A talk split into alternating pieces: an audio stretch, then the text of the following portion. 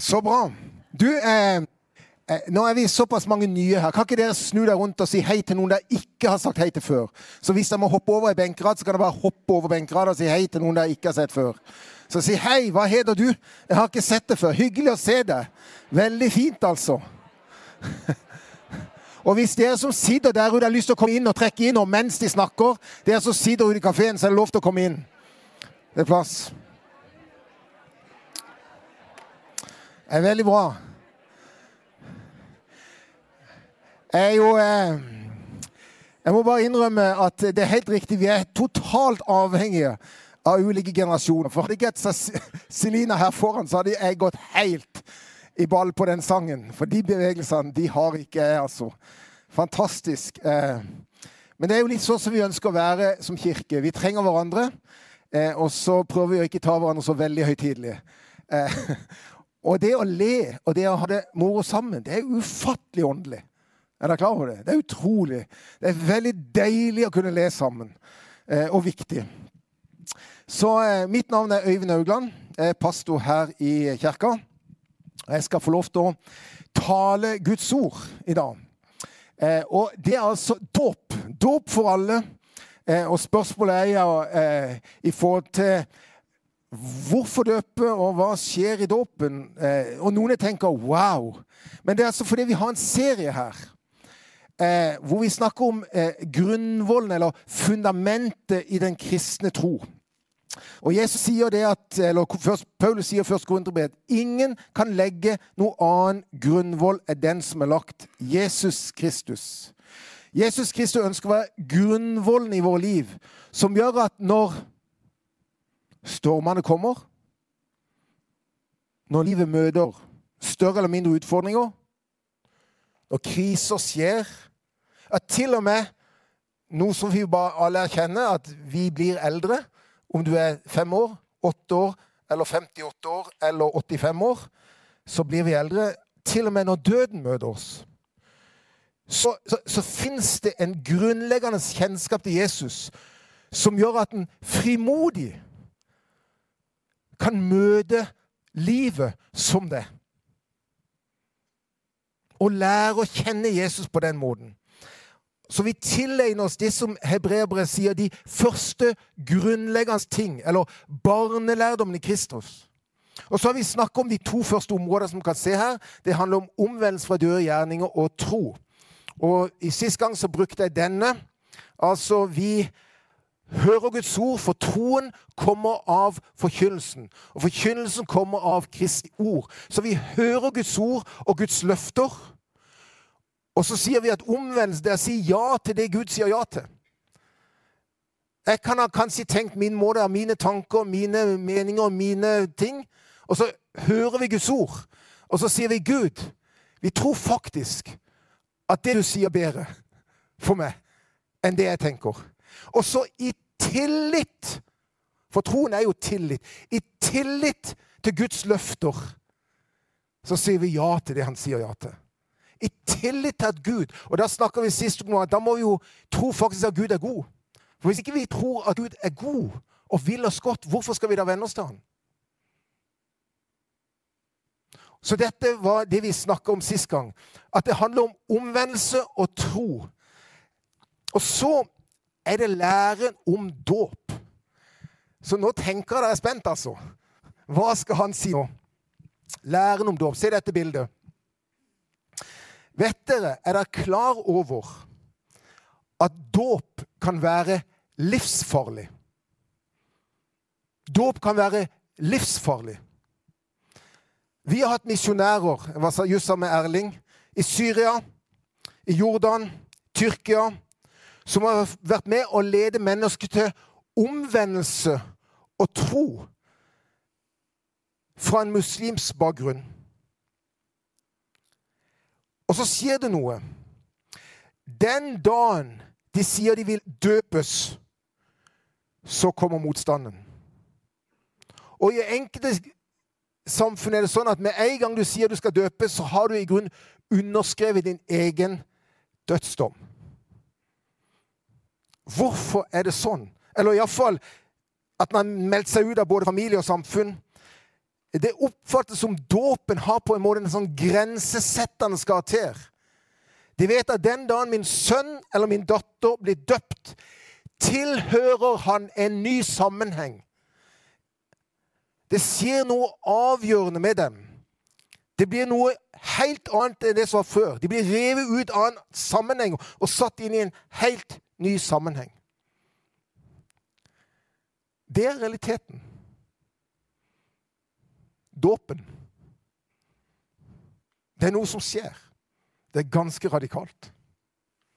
Og Nå skal dere huske én ting. Dåpen.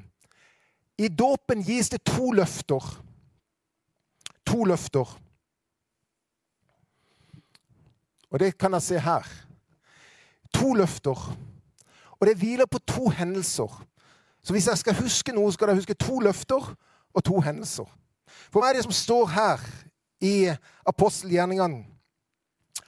Peter sier på, på Pissedagen Omvend dere og la dere døpe på Jesu Kristi navn til syndenes forlatelse, så dere skal få Den hellige ånds gave. Disse to løftene, syndenes forlatelse og Den hellige ånds gave, går som en rød tråd gjennom hele Gammeltestamentet.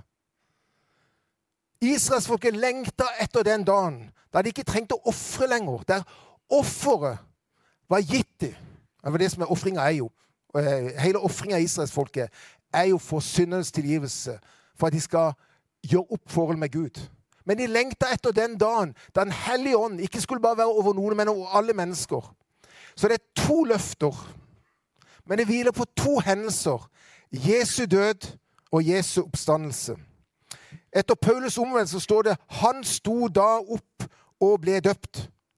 Og Kornelius, om han ble det, står det at han ble døpt. De bød han skulle bli døpt til Christu, i Jesu Kristi navn.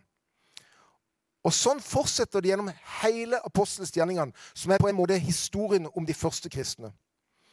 Og Det står at de skulle døpe dem Matteus, vår misjonsbønn, de skal døpe dem til Faderens og Sønnens og Helligåndens navn og lære dem å holde alt de har befalt dere. Så dåpen hviler på to løfter. Syndens forlatelse og Den hellige ånds gave. Og på to hendelser. Jesu død og oppstandelse. Men la meg ta ett skritt tilbake. Kan jeg gjøre det? Og så er det jo spørsmål hvorfor trenger vi dåp? Hvorfor dåp? Hva er menneskets problem? Det står det at eh, og I apostelgjerningene Paulus sier til Ananias Stå opp og la deg døpe og få dine synder vasket bort idet dere påkaller Herrens navn. Stå opp, la deg døpe, døpes idet du får dine synder vasket bort. Det er jo sånn at Hovedproblemet, og det er jo et spørsmål Kaller vi et tre et epletre fordi det er epler på det? Eller er det et epletre selv når det ikke er epler? Skjønner dere spørsmålet? Kaller vi et tre et epletre fordi det bærer frukt som kalles epler, eller sier vi det er epler på det fordi det er et epletre? Noen tenker det var et tricky spørsmål. Vi er jo helt enige om at det er jo et epletre, selv om det ikke akkurat er frukt på det. Er du med? Og det leder oss til ordet synd. Det, det, det, har ikke det samme betydning som ordet synder. Synd er et rotord, og synder er et fruktord. Og Menneskets problem er ikke først og fremst knyttet til frukten av dets liv, men det er knyttet til roten i dets liv. Mennesket har et syndproblem. Romerbrevet sier 3.23.: Alle har syndet og står uten ære for Gud. Og Efeserbrevet sier også vi vandret alle blant våre egne lyster. Og vi fulgte Vi fulgte skal se, Og vi fulgte våre egne lyster, og vi gjorde kjødets og tankes vilje. Og vi var naturens vredens barn. Alle har syndet. Og Jeg vet ikke om du lir dette bildet. Jeg måtte bare gjøre det.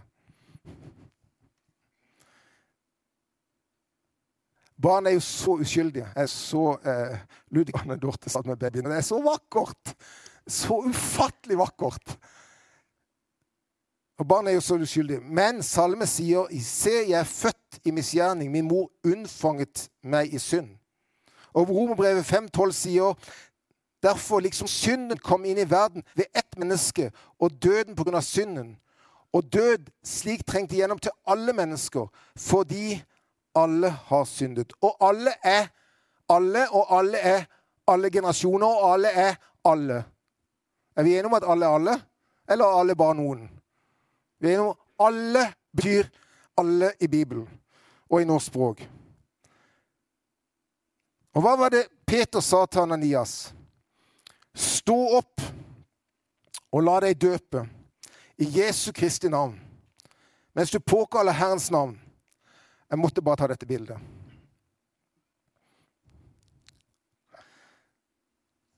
Ser det?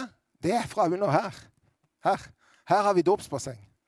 Så dette er dåpen vi hadde her. Det er kanskje det samme når Paulus skriver at Kristus elsket menigheten og ga seg selv for dem, for å helge dem, ved å rense den, ved vannbadet i ordet. Det står det i Feserbrevet. Og Hebreberets forfatter snakker om å badet i rent vann. Eller Peter på pinsedagen, la dere døpe på Herre Jesu Kristi navn til syndenes forlatelse. Syndene vaskes bort. Og i min forståelse av Bibelen så er dette et mer instrumentalt språk. Det betyr Peter tror at vanndåpen vil utvirke renselsen. For han, som andre apostelen, var vasking av kroppen og renselsen av savittien, utsiden og innsiden av samme begivenhet. Det ytre handlingen forårsaker den inderlige forvandringen. Og Det er derfor vi har noe som kalles et sakrament. Vi tror faktisk at Gud gjør noe konkret i dåpen. Vi forstår at dåpen er ikke bare symbolsk. Det er heller ikke bare en bekjennelseshandling. Gud knytter sine løfter til selve dåpshandlingen. I dåpen vaskes vi ren, står det. Paulus sier alle dere, alle dere er jo Guds barn ved troen på Jesus Kristus og så fortsetter han begrunnelsen. For dere så mange som ble døpt til Kristus, har ikledd dere Han. Nå kan jeg se på, på bildet her.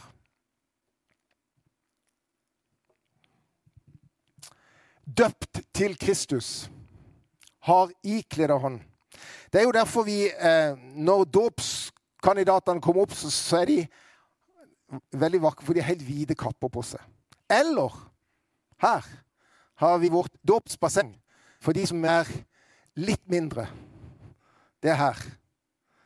Når dere har døpt barn, så har dere ofte en dåpskjole på. Stemmer det? Hæ? Litt sånn respons her. Ja, det har det. Fordi det viser hva som faktisk skjer. Vi blir ikledd Kristus. Det betyr at når Gud ser på det så ser han Kristus og det Kristus gjorde. Og det er jo det som er symbolikken med den hvite kappa eller den hvite dåpskjolen. Det er faktisk at han dekker det fra topp til tå og hele det. Og det er nok det han gjorde. Du er i Kristus, døpt til Kristus. Eller som det også kan bety inne i Kristus. Bibelen skriver faktisk ofte at vi er i Kristus, den at Kristus er i oss. Det står om Den hellige ånd i oss. Men vi er i Kristus. Vi er dekka av Kristus. Vi er omfavna av Kristus. Og det er jo det som også, og det var derfor jeg ville ha dette bildet. Se dere den personen som er under der? Han er totalt omfavna av vannet. Han er helt under. Og det er jo faktisk det vi tror er en rett dåp også. Derfor har vi et stort dåpsbasseng her. Det står han blir begrava i vannet. Og vannet omslutter han på alle sider. Så vi har et stort dåpsbasseng under her. Men vi tror jo også, og derfor har vi dette dåpsbassenget Vi tror jo faktisk også at Bibels dåp er full neddykkelse. Fordi vi lever i en kristen tradisjon av Den norske kirke, så har vi sånn at vi utøser. Det er helt, det er helt gyldig dåp å øse vann på. Men vi har denne dåpsfronten fordi vi det er bare inntil de siste 100 årene man begynte å øse vann over hodet. Før så hadde man en dåp der man trødde de helt under, også barna, og opp igjen. Her, det Vi gjør, vi blåser de i fjeset, så tar vi de helt ned og opp igjen. For å forklare at dåpen er en begravelse, det er en neddykkelse. Det er både dåpskjolen sier at han, han, han Og det er jo det som skjer når vi gjør denne, det er at vi tar av barnet dåpskjolen, så døper de helt, og så kommer han ut med den hvite kjolen etterpå igjen. Fordi at Kristus omslutter oss, omfavner oss. Vi er i Han. Og det er det som skjer i dåpen. Derfor tror vi faktisk at en bibelsk dåp er en full ned, dåp med full neddykkelse. Og så sier jeg, se på dette, det står her, det hviler på to løfter. Løftet om at du skal få syndens forlatelse og Den hellige ånds gave. Og det hviler på to hendelser. Jesu død og Jesu oppstandelse. Hvor er du i det bildet? Hva må du gjøre? Vi er ikke i det bildet. Du er ikke der. For alt dette er noe som blir gitt oss. Vi er mottagere av det Gud har gjort. Så din tro hviler ikke på hva du får til, hvor flink du er, hvor mye du har gjort, hvor god du er, hvor snill du er. Det hviler ikke på det. Det hviler ene og alene på det Jesus Kristus gjorde på hans død, oppstandelse, og hva han faktisk gir oss. Nå syns jeg iallfall mer enn én burde si halleluja, for dette er fantastisk. Det er helt fantastisk. Og Derfor tror vi det er et sakrament, fordi det er noe Gud gir oss. Vi sa nattverd etterpå. Vi tror det er et sakrament. Vi tror at Gud har knytta løftet til selve handlingen, og Gud gir noe. Så når du kommer til nattverd, hvis du ønsker å følge etter Jesus og trenger hans tilgivelse og trenger hans kraft i ditt liv for å følge etter Jesus, så kom til nattverd. Og så nær som du kjenner brød og vinen i munnen din, så nær er Kristus i livet ditt. Han har tatt bolig i det. Han er her. Han har omfavnet oss. Det er fantastisk. Det er jo dette vi tror på. Det er dette vi lever. Og dåpen er tro, og dåp er begynnelsen på dette. Rombrevet sier eller vet dere ikke, underforstått. Selvfølgelig vet vi det. Vet dere ikke at alle som ble døpt til Kristus, ble døpt til hans død? Og nå er vi tilbake til bildet. Vi ble begravet med ham. Da ble vi døpt til denne døden denne døden til, eh, dåpen til døden. Vi ble forenet med han, som den død som er lik hans død. Så vi ble døpt ned, og vi ble forenet med han i den dåpen til døden. Hør her. I går kveld kom jeg hjem fra Sør-Afrika. Vi starta M4 med et kirkesamfunn på 1,5 millioner medlemmer. Å være sammen med 50 pastorer og tilsynsmann, biskoper, som bare begynner å synge i et rom. Bare ta mikrofonen, så begynner de å synge. Da renner tårene. Eh, det er bare så, er bare så utrolig sterkt nærvær av Gud. God is good. Og Negro Spiritual er noen av disse sangene som de bærer med seg. Det er jo en, en, en, en utrolig dybde i teksten. En av de Were you there when they crucified my Lord? Jeg får ikke lov til andre til å synge på scenen, så jeg kan ta meg den friheten. Mens poenget er jo Ja, du var der. Og det var, det var, det, det var dette slavene av håpet deres. Were you there when they crucified my Lord? Ja, jeg var der. Og jeg kjenner det på kroppen som slave, men jeg var der. Og Kristus ble korsfesta, så ble jeg korsfesta. Were you there when they laid him in the tomb? Ja, jeg var der. Jeg ble begravet med han. Jeg var der.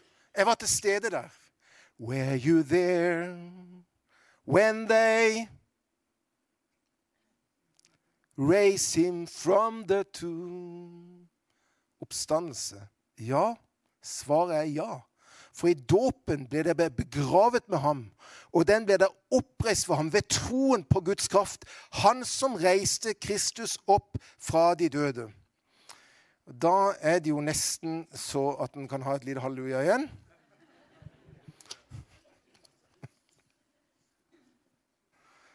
Og det er her som er i bibelgruppene, for dere som eh, bruker studieopplegget, skal dere få lov til å lese gjennom Romerbrevet kapittel 6. For det er jo her som det kommer. Romerbrevet som legger ut hele dåpsteologien i den nye nytestamentlige kirke.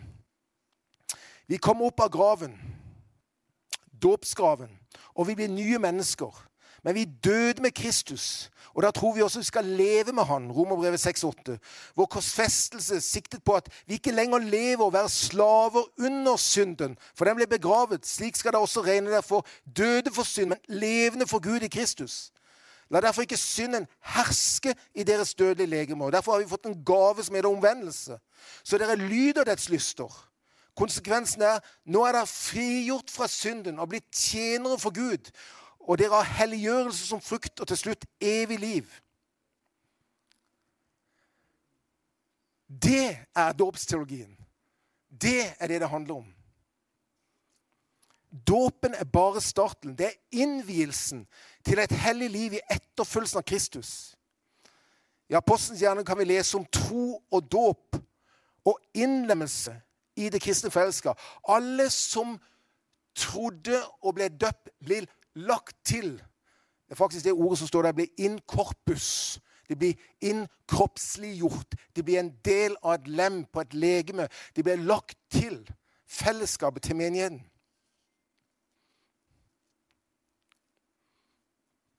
Så når vi snakker om dåp, tro og dåp, så er det helt naturlig at innlemmelse, innkroppsliggjøring, blir en del av et fellesskap, hører så nøye til, nøye sammen.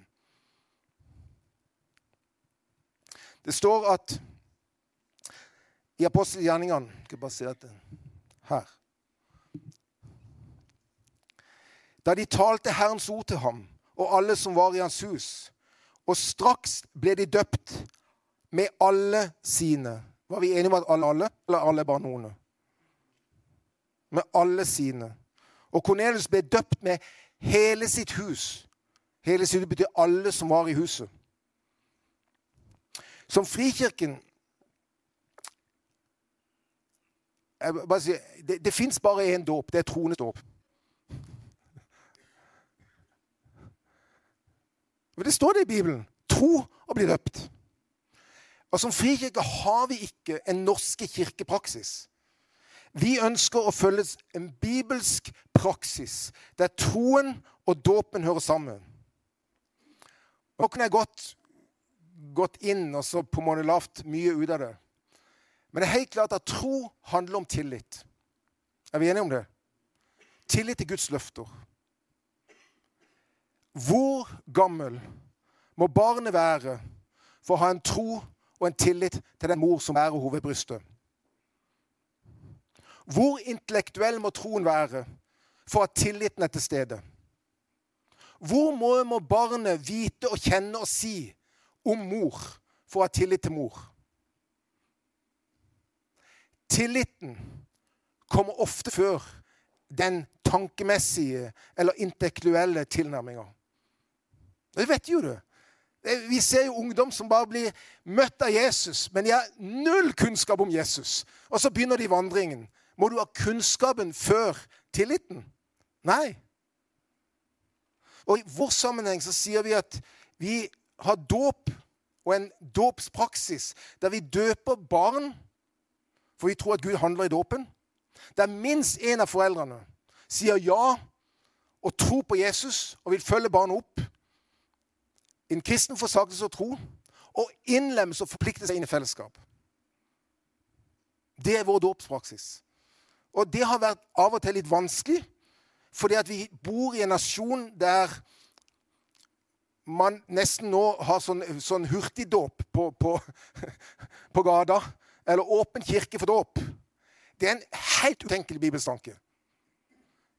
Tro og dåp hører sammen. Og helliggjørelse og oppfølgelse. Vi døper barna til Kristus og til fellesskapet. I en kristen forsakelse og tro. Vi døper unge og vi døper voksne som ved omvendelse og tro ønsker å følge etter Jesus og la seg forme han. Og som jeg sa fra begynnelsen for noen er det dødelig. Siste vers, avslutning. Til slutt vil vi med det siste, bare det siste dåpsordet som står i Markus. Den som tror og blir døpt, skal bli frelst. Dåpen er viktig. En bibelsk sammenheng er dåpen utrolig viktig. Ingen som leser dette ordet, kan si at nei, dåpen er ikke viktig. Det mener jeg nesten å forakte Bibelen. Dåpen er viktig.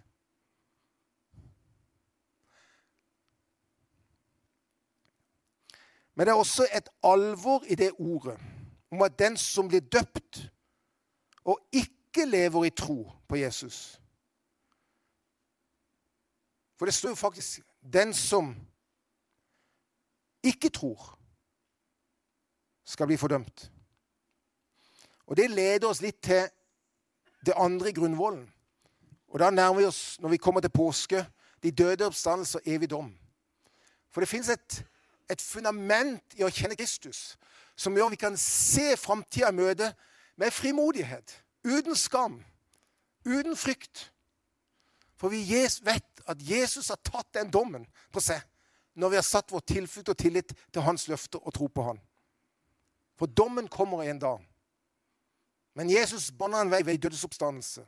Dette er litt, kommer seinere i forhold til grunnvollen. Det er fantastisk at Gud har gitt to løfter.